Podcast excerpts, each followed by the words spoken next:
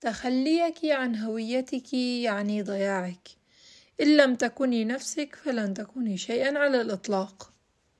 ويا أهلا وسهلا فيكم بحلقة جديدة وبكتاب جديد. اليوم رح نحكي عن رواية غربة الياسمين للكاتبة الدكتورة خولة حمدي. أنا كنت قرأت لخولة حمدي قبل هيك أكتر من كتاب وما كنت أعرف عن هذا الكتاب غربة الياسمين لهيك قررت أقرأه. هذا الحكي من شي سنتين. بتبلش القصة الرواية بقصة رنيم التي أهدت كليتها لشخص ما أحبته ولم يبادلها سوى مشاعر الاستغلال للعاطفة الأنثوية. لتنتهي قصة حبها بغدر وبقدر أكبر من كلية وحب وجزء من الروح. تزامنا مع بداية قصة ياسمين الفتاة التونسية التي تسافر إلى فرنسا المكان الأصلي للرواية. ومن هنالك تبدأ بعملها لرسالة الدكتوراه وبدايتها لمعرفة شخص ما مجهول لم يجمعهما سوى المترو والكتب. في الواقع كانت الرواية مليئة بالشخصيات والأحداث المترابطة فيما بينهما ولكن هنالك العديد من الشخصيات الثانوية التي لا تمت للرواية بشيء البتة وما كانت سوى حشو للرواية. أحببت السلاسة في الرواية ولكن لم أحب الكثير من الأشياء فكانت تبدأ بقصة ما ولا تنتهي مثل التنمر والعنصرية الإسلام والتمسك بالدين. كانت هنالك العديد من الحلقات الناقصة للأسف. في الواقع هيك أنواع من روايات ما بيعجبني. آه، فن الرواية ليست بكتاب دعوي يوظف لخدمة قضية إلا بتمكن واضح من الروائي. هذا التمكن افتقدته الكاتبة بشدة. نحن كمسلمين لسنا مركز الكون ولا الكون كله يتعاقب على عقيدتنا. هاي فيك تقول هاي نوعية من الروايات التي لا تترك في نفسك أثرا بالغ. آه ما فيني قارن إنه إنه مثلا أنا إنه ما تركت بنفسي أثر مو معناته إنه ما فيها تترك بنفسك أثر لأنه أنا بكون قارئة كتاب آه، أعمق من هيك وقدر يوصل لي الرسالة بطريقة أفضل من هيك. هذا يعني لأنه الكاتبة المفروض أنه العمل يناقش فكرة الغربة في المجتمع المختلف عن ثقافتك. والفكرة جيدة ولكن تنفيذها يعني عابه بعض النقص النقص لأن تم تحوير الفكرة في الخلاف العقائدي. انت آه، كمسلم آه، لازم تضطهد المجتمع آه، رح يعاقبك.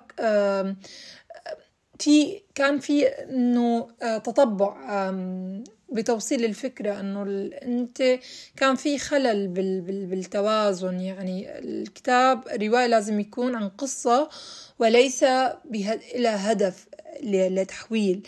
إنه تفرجيك الواقع المر أوكي ما اختلفنا. ولكن يعني كدعاية كانت الرواية. أخذت هذا الأسلوب مع أنه حسيت ينقصها مثل رواية أم آه كمان آه في قلبي أنثى عبرية. نفس نفس نفس الشيء. نفس المنحى اللي ماشي عليه الكاتبة نفسه. هو هو. بدها توصل إنه إنه إنه كداعية. الرواية ابدا يعني هي تفتقر للكثير من الأسس والأساليب لهذا المنظور. ما كان عندها حجج واضحة ودلائل صحيحة وقوة أدبية. كانت تعج بالحوارات والنقاشات. يعني اللي بحسها ما كان إنه إلا لازم. إنه كان ممكن تحددي إنه الرواية شو هي هدفها. أكيد رأيي حيعارضوا الغالبية اللي قرأوا الرواية لأنه بيعرفوا إنه كانوا كتير إنه عاجبتهم الرواية كانوا كتير إنه آه، مبسوطين بقراءتها. ولكن حسيت أنا نظرت لها بنظرة آه، بنظرة ناقدة. ما بعرف بجوز البعض يفهم آه، شو بقصد من هي الفكرة.